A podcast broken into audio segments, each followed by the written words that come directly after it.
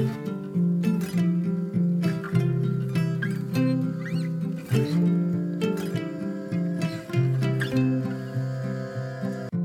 och välkommen till For Health med Anna Sparre. Idag pratar vi om mineralerna i din kropp. Hur fungerar det på riktigt med mineraler som järn och koppar? Och vad säger järnvärden som ferritin och HB?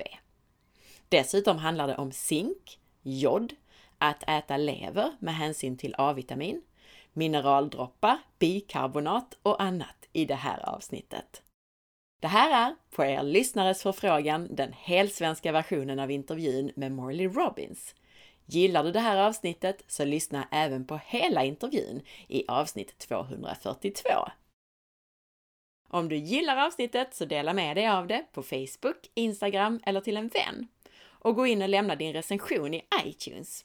Det är helt avgörande för poddens överlevnad. Och dela det gärna i dina Facebookgrupper. Stort tack på förhand!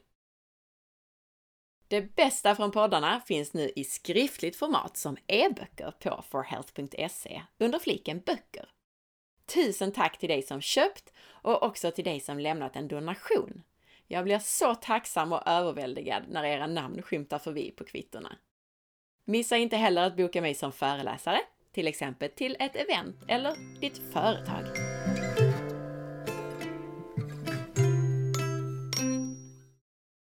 Vi fick massor med lyssnarfrågor efter de fyra intervjuerna jag gjorde ihop med Morley Robbins i våras.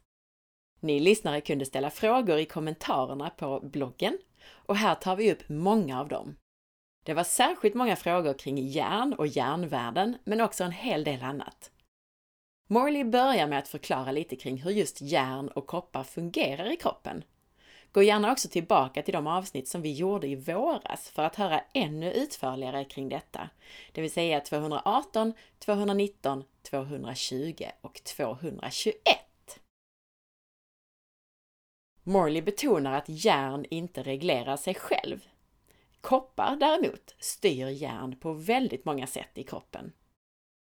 Vi börjar sen med frågor kring att äta lever. Fråga Undrar om det går lika bra med kycklinglever som lever från gräsbetande nöt. Olika djur har olika sammansättning av fetter och mineraler i sin lever. Kycklinglever tenderar att ha mer omega-6 i förhållande till omega-3 jämfört med nötlever. Bra alternativ till nötlever kan vara lamm eller getlever. Viktigast är det att vara noggrann med vad djuret är utfodrat med. Men de näringsvärden som finns är ju från det som kallas konventionellt uppfödd kyckling. Så kyckling som är utomhus frigående har antagligen mycket bättre fördelning av näringsämnen. Nästa fråga om lever lyder jag har fått rekommendation att äta mat som inte innehåller så mycket puriner på grund av ledbesvär. Inälvsmat är ju nyttigt men också purinrikt. Vad ska jag välja istället? Personer med gikt rekommenderas i regel att undvika mat som bildar urinsyra i kroppen, såsom puriner. Morley säger att gikt innebär brist på enzymet SOD, superoxide dismutase, vilket behövs för att bryta ner de fria radikaler som bildas när puriner bryts ner. Vi pratar lite om sådd i en av våra tidigare intervjuer och dess relation till bland annat koppar. Har man gikt så är det alltså viktigt att arbeta med att bygga upp sin biotillgängliga koppar. Bästa sättet att göra det är med just inälvsmat. Men Morley säger att kapslar med frystorkad nötlever är ett alternativ om man inte vill äta lever. Det har inte samma koncentration av puriner. Morley betonar det fina näringsinnehållet i lever med mycket B-vitaminer, kolin, enzymer och en hel massa annat. Lyssna gärna på avsnitt 158 om detta. Ytterligare en fråga om lever. Som gravid avråds man också från att äta lever och andra livsmedel med mycket A-vitamin. Är det klokt att avstå? Morley håller inte alls med om rådet att avstå från lever som gravid. Han tycker många råd kring graviditet och amning är felaktiga. Han säger att D-vitamin och järn inte finns i bröstmjölk, men detta rekommenderas man att ta. För att skapa ett barn, ett foster, behövs mycket koppar och mycket retinol, det vill säga A-vitamin. Han tror att rekommendationen att vara försiktig med A-vitamin bygger på ett fåtal fall och inte på omfattande forskning och fysiologi. Jag betonar också att just inälvsmat är det som naturfolk och liknande ger till gravida kvinnor, just för att det är så näringsrikt. Det är också viktigt att skilja på att ta höga doser syntetiska tillskott och att ta A-vitamin i naturlig form i mat. Morley betonar igen att inte ta järn som gravid. Vi kommer in på järn. Fråga. Hur kommer det sig att vi får i oss för mycket järn i Sverige? Är det specifika livsmedel som man ska se upp med? Vissa näringsbrister som kan öka upptaget ur maten? Vad jag vet så järnberikas inte mjöl här. Lever som rekommenderas som livsmedel är ju också rikt på järn. Morley förklarar att det finns förhållandevis dubbelt så mycket koppar som järn i en frisk lever. Därav att lever är okej, trots järninnehållet. Han förklarar också att moderna jordbruksmetoder kan bidra till att vi får ett järnöverskott. Brist på koppar gör att vi lagrar järn i våra kroppar. Morley säger att om man är orolig för att ta upp för mycket järn så bör man undvika citronsyra och askorbinsyra. En parentes från min sida här är att detta är de två antioxidanter som används i all processad mat, det vill säga alla charkprodukter, korvar med mera. Läs innehållsförteckningen så ska du se. Båda ämnena förstör ceruloplasmin, det vill säga koppar i sin biotillgängliga form, det vill säga det som ska reglera järn. Askorbinsyra kan också öka upptaget av järn ur kosten och blockera upptaget av koppar. Fler frågor om järn? Har jag förstått det rätt att jag inte behöver ha dåligt samvete längre och att jag kommer att vara friskare för att jag inte tar järntabletterna som jag fått som blodgivare? Och Idag var jag och gav blod för första gången och när jag gick därifrån fick jag med mig en karta med järntabletter. Om det nu är så att det är bra att ge blod för att få ur sig järn, ska man då ta dessa tabletter efteråt? Jag äter en kost rik på grönsaker, naturbeteskött och vildfångad fjällfisk. Undvik, säger Morley. Och jag tillägger att en bättre strategi är att gå hem och äta en portion lever som ger dig det du behöver för att bilda nytt blod.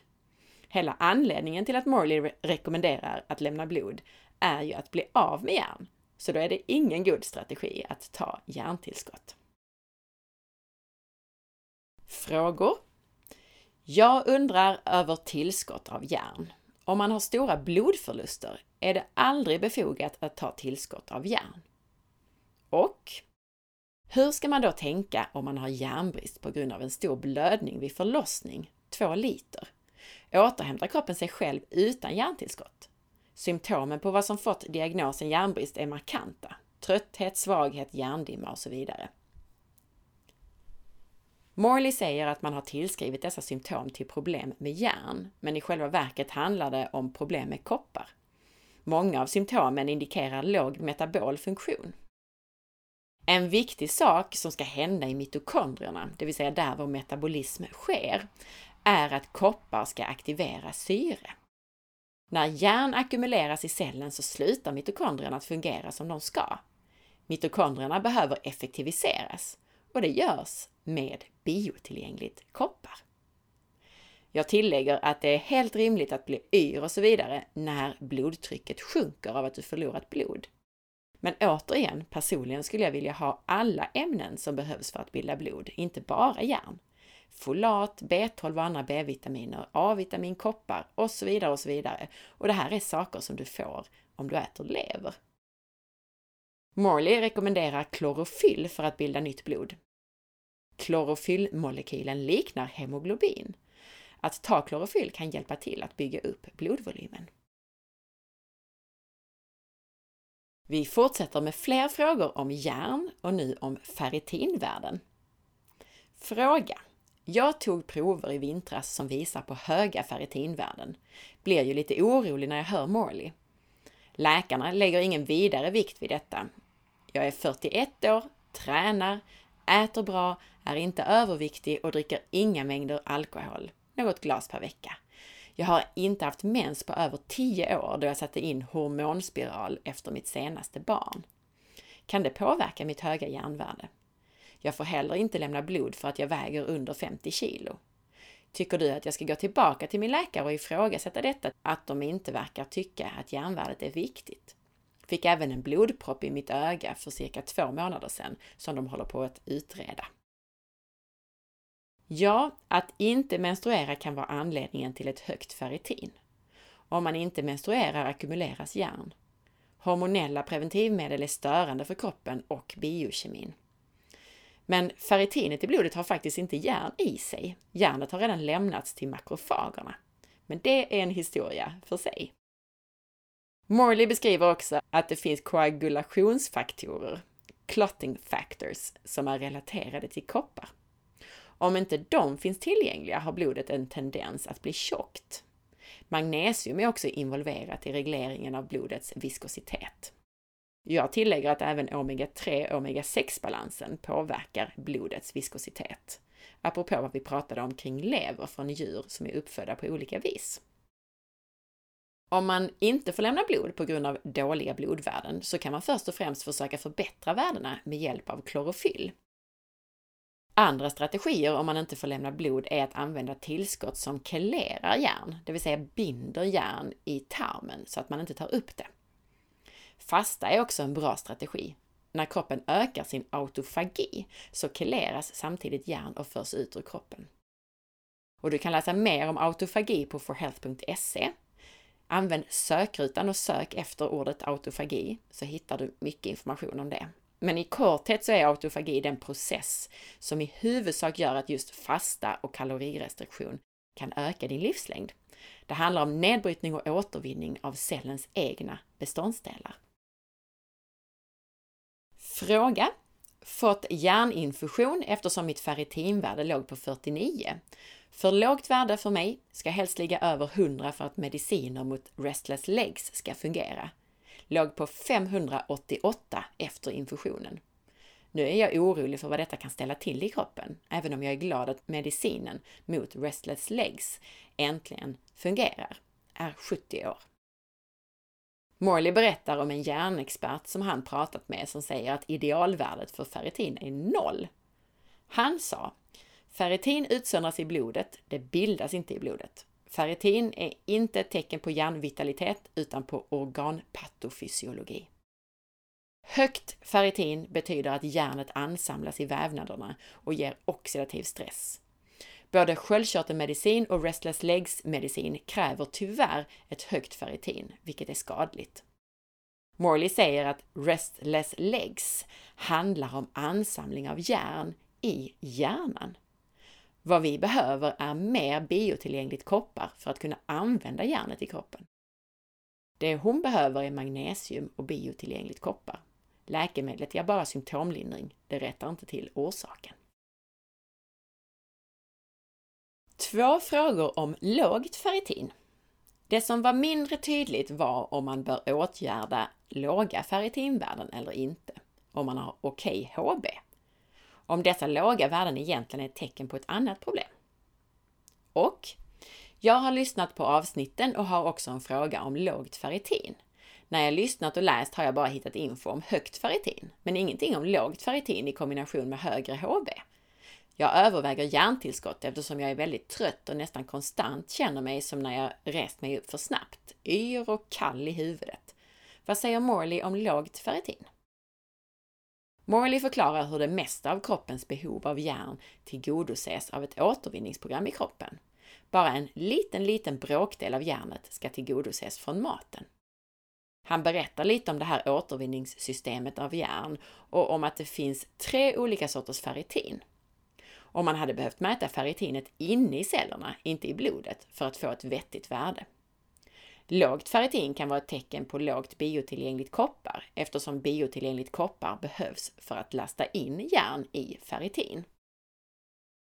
Om HB är okej okay och ferritin är lågt är det troligen inte mycket att oroa sig över. Fokus bör vara att bygga upp biotillgängligt koppar. Nu kommer vi in på zink och koppar. Fråga. Är det en myt att man har zinkbrist om man har vita streck på naglarna? Om det är så, varför har jag inte vita streck på tånaglarna? Vad beror de vita strecken på om det inte är zinkbrist? Vi vet inte varför man inte får vita fläckar på tårna också. Visst handlar det antagligen om zinkbrist, men lösningen är inte zinktillskott. De flesta brister är relativa och inte absoluta. Då hjälper inte tillskott. När koppar är lågt ansamlas järn i kroppen och detta kommer att överskugga zink. Det ser alltså ut som zinkbrist.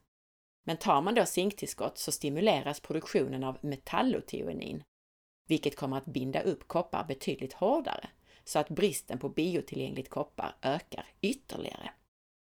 Morley nämner här att lösningen är det som kallas Root Cause Protocol. Vi förklarar detta mer i slutet av det här avsnittet och har också gjort det i våra tidigare avsnitt. Fråga. Jag har själv blivit rekommenderad zink av näringsterapeut efter hårmineralanalys för att minska kopparöverskott och tagit zink en längre period. Blir inte klok på om det räcker med att sluta med zink eller bör man också avzinka sig på något sätt, som man gör med järnet? Hur är det med övriga mineraler, såsom krom?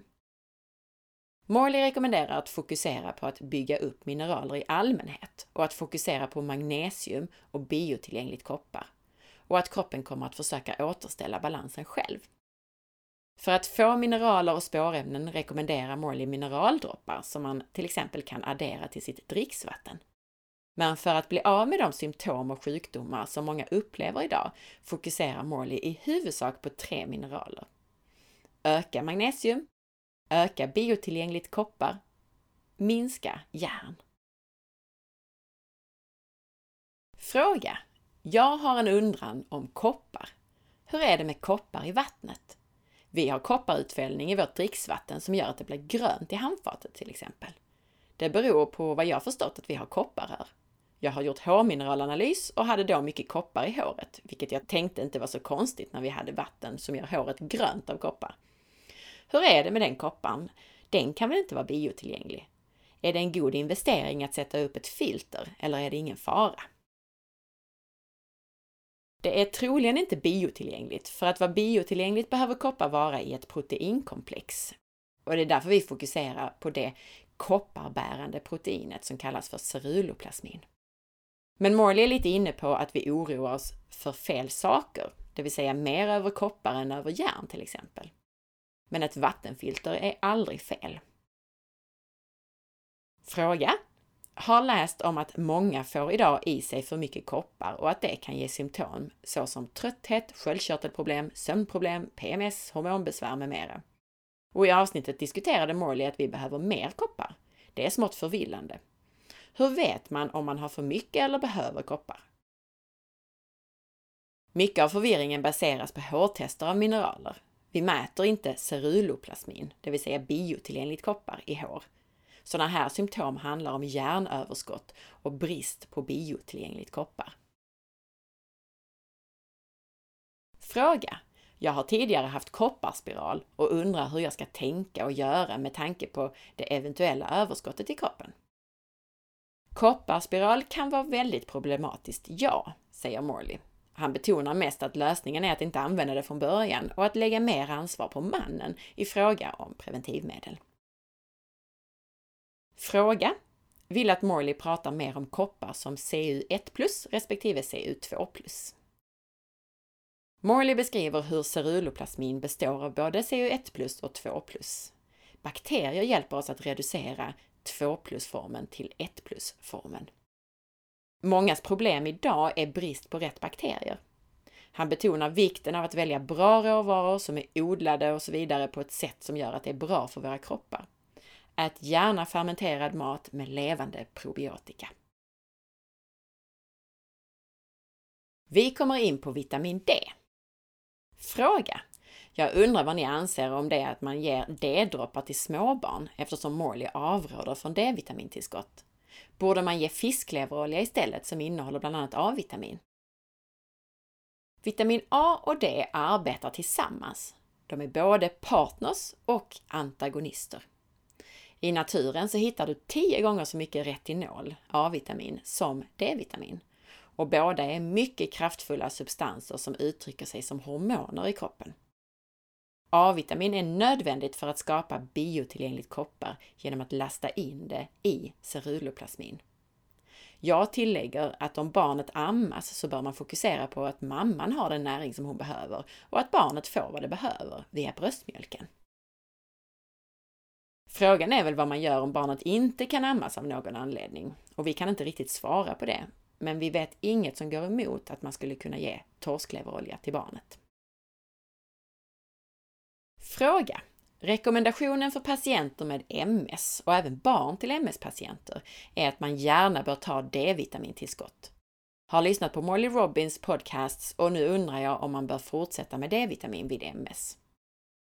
Morley berättar att autoimmuna sjukdomar betyder att återvinningssystemet av järn har kollapsat i kroppen, att makrofagerna runt om i kroppen inte fungerar korrekt och är järnförgiftade. MS handlar om att myelinet som skyddar våra nervceller bryts ner. Myelin görs av fett och kolesterol. Att bilda myelin kräver biotillgängligt koppar. Morley anser att MS är kopparbrist. Att ta höga doser av vitamin D tycker Morley är fel detta hindrar vitamin A, vilket behövs för att göra koppar biotillgängligt. Det stämmer att lågt D-vitamin är ett tecken på inflammation, men lösningen är inte att ta D-vitamintillskott. Återigen är det biotillgängligt koppar som är lösningen. Vi kommer in på magnesium och kalcium. Fråga. Om man skulle välja ett kalciumtillskott, vilket? Om man nu behöver det. Om man till exempel har problem med bisköldkörtlarna och inte tar tillbaka kalcium i primärurinen, då får man brist trots intag av nämnda livsmedel. Tre hormoner reglerar kalcium. Kalcitonin från sköldkörteln, bisköldkörtelhormon och D-vitamin. Alla dessa tre är beroende av magnesium. Så brist på magnesium ger problem med kalciumreglering. Magnesium styr alltså kalciumstatus och när kalcium är högt eller lågt i blodprover så är det ett tecken på magnesiumbrist. Vi kommer in på jod. Jod finns med i RCP-protokollet, men jag har svårt att orientera mig gällande lämplig dos. När jag läser på om ämnet skiljer det sig extremt mycket vad olika forskning säger. Förstår att det är individuellt, men till exempel för en person utan sköldkörtelproblematik. Bör man inte ta selen tillsammans med jod? Det finns inte med i protokollet och beror ju antagligen också på var man bor, men här i Sverige har vi väl selenfattiga jordar. Vad gör jod med övriga mineraler? När jag introducerat jod efter cirka ett år på protokollet så känner jag mig fatigd. Jag fick extremt mycket avgiftning i början på en droppe jodlösning. Känns som att jod påverkar de andra mineralerna. Man ska inte vara för snabb med att introducera jod som tillskott innan man korrigerat annat i kroppen eftersom det är kraftfullt och påtvingar detox. Jod, liksom ceruloplasmin, är även involverat i att oxidera järn från tvåvärt järn till trevärt järn. Ta jod i matbaserad form, till exempel som kelp. På så sätt får du dessutom andra mineraler som är viktiga och som ska vara i balans med jod. kommer in på det som Morley kallar för Adrenal Cocktail, vilket innehåller salt, kalium och C-vitamin i matform. Fråga. Efter att ha lyssnat igenom samtliga avsnitt på ett par dagar så har jag dock glömt i vilket avsnitt samt exakt vad ni sa om kaliumtillskott i olika former. I hans RCP rekommenderas ju kaliumbikarbonat i Adrenal Cocktail. Sen har jag för mig att du nämnde kaliumklorid och hemma i min kosttillskottshylla har jag kaliumcitrat. Vore tacksam för svar om hur ni resonerade kring kaliumtillskott egentligen. Kaliumbikarbonat eller kaliumklorid är bra former.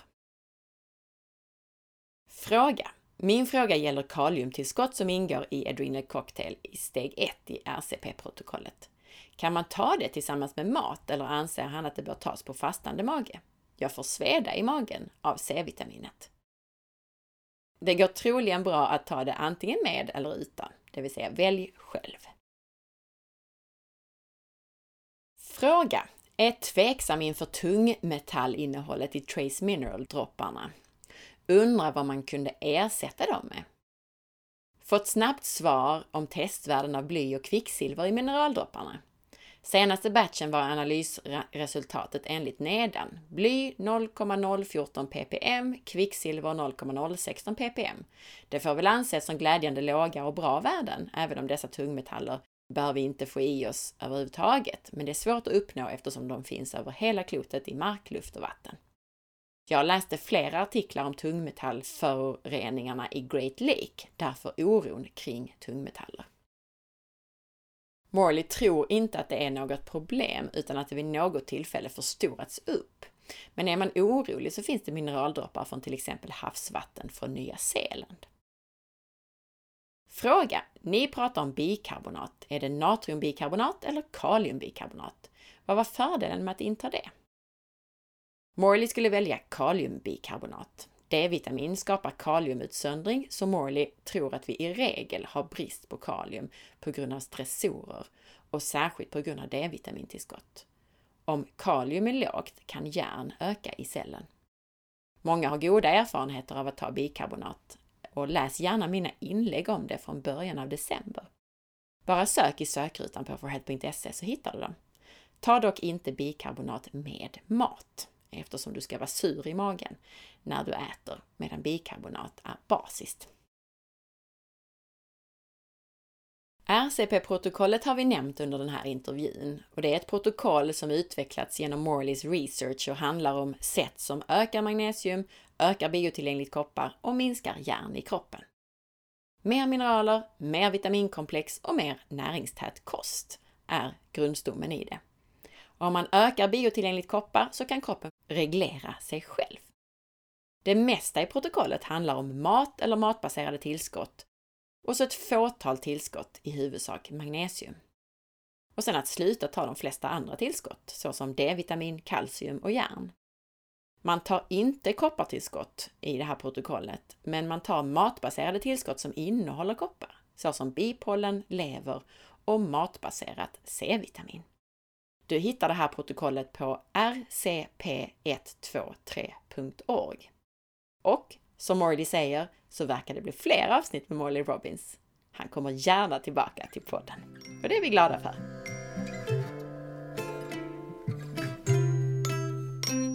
Tack för att du lyssnade! Jag hoppas att du gillade det här avsnittet. Gjorde du det så dela med dig av det och sprid så att fler får ta del av den här spännande informationen om hur kroppen fungerar. Glöm inte att dela i dina Facebookgrupper också. Jag blir jätteglad om du vill lämna din recension i iTunes eftersom det hjälper andra lyssnare att hitta hit. Följ med på facebook.com forhealth.se där du kan hitta avsnittsinformationen till det här avsnittet som du kan dela och där du varje dag hittar länkar till nya hälsotips och annat. Följ också mig på Instagram via signaturen asparre och titta in på bloggen på forhealth.se. Ha en fantastisk dag så hörs vi snart igen. Hej då!